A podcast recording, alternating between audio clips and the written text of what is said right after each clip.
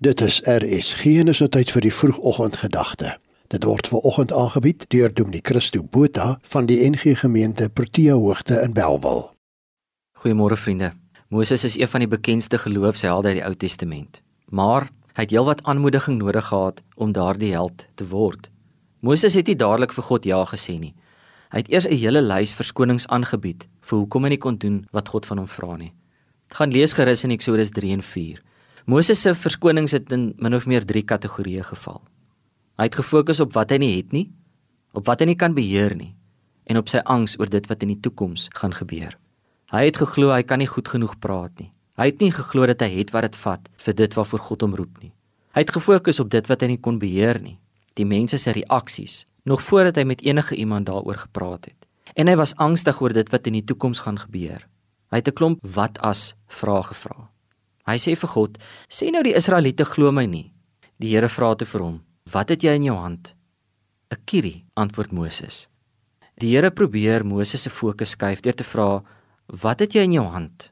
Angstige mense sal sekerlik weet van 'n grounding exercise waarin jy vra: "Wat kan jy sien? Waar kan jy vat? Wat kan jy hoor? Wat kan jy ruik en wat kan jy proe?" Die doelwit is om die persoon wat angs of spanning ervaar te help om hulle aandag te fokus op die hede, op dit wat nou gebeur. En die Here probeer ook Moses se fokus so skuif. Hy vra nie vir hom wat het jy nie, wat kan jy nie beheer nie of wat gaan in die toekoms gebeur.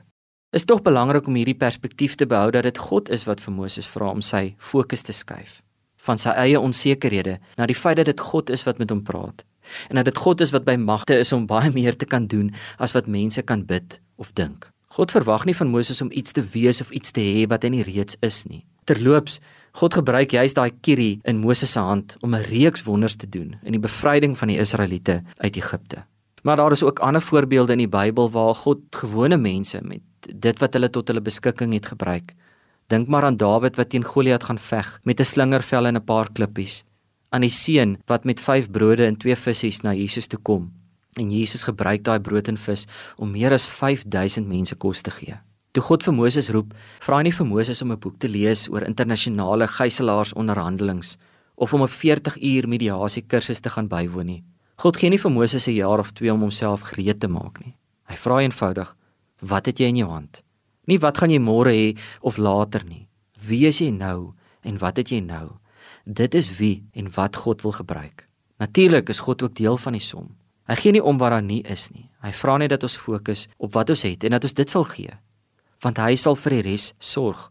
Hy vra dat ons sal fokus op wat ons het, dat ons hom daarmee sal vertrou, dat ons hom ook sal vertrou met ons twyfel en met onsself en dat hy ons sal verras deur wanneer ons die bietjie wat ons het in sy hande plaas.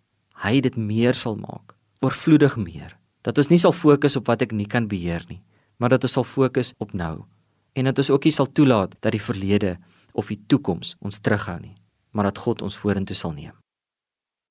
Die vroegoggendgedagte hier op RSG is aangebied deur Dominee Christo Botha van die NG Gemeente Protea Hoogte in Belwel.